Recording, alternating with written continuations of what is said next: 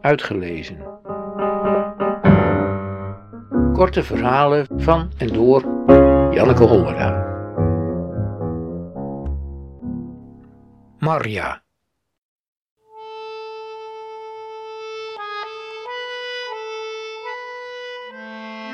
Toen Roy geboren is, hebben ze een huis gekocht aan de rand van de stad.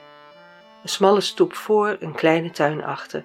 Net groot genoeg om in de toekomst de keuken uit te bouwen en dan misschien een platje erboven, zodat ze toch nog buiten kunnen zitten.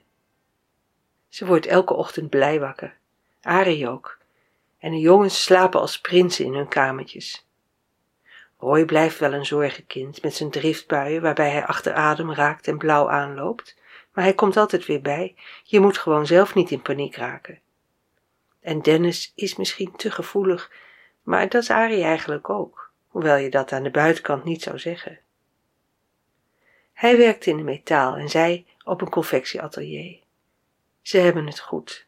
Leuke buren. Ze zou nergens anders willen wonen. Een eigen huis, een auto, een barbecue. Alles. Tot het toneel komt.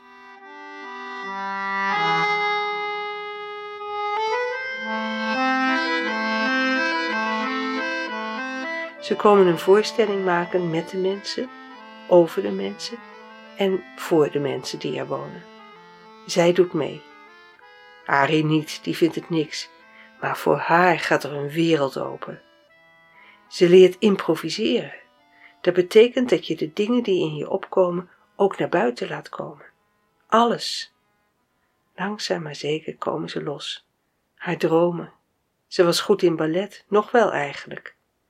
Haar verlangen erbij te horen, net zo te zijn als de meisjes van de universiteit. Haar geheimen, dat ze met Arie getrouwd is omdat hij er nou eenmaal altijd was, vanaf haar veertiende. Hoe ongelukkig ze eigenlijk is, dat wist ze niet. Ze dacht altijd dat ze gelukkig was. Ze moet zo verschrikkelijk huilen. En dan is daar opeens de hand van de accordeonist, die zo mooi speelt als zij improviseert, die klanken uit zijn instrument tovert die haar vleugels geven. Die hand, die de toetsen zo gevoelig aanraakt, streelt nu haar wang. Ze kijkt door haar tranen heen naar hem op.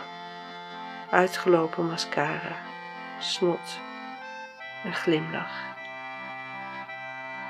S'avonds zegt ze tegen Ari: Ik heb iemand anders ontmoet.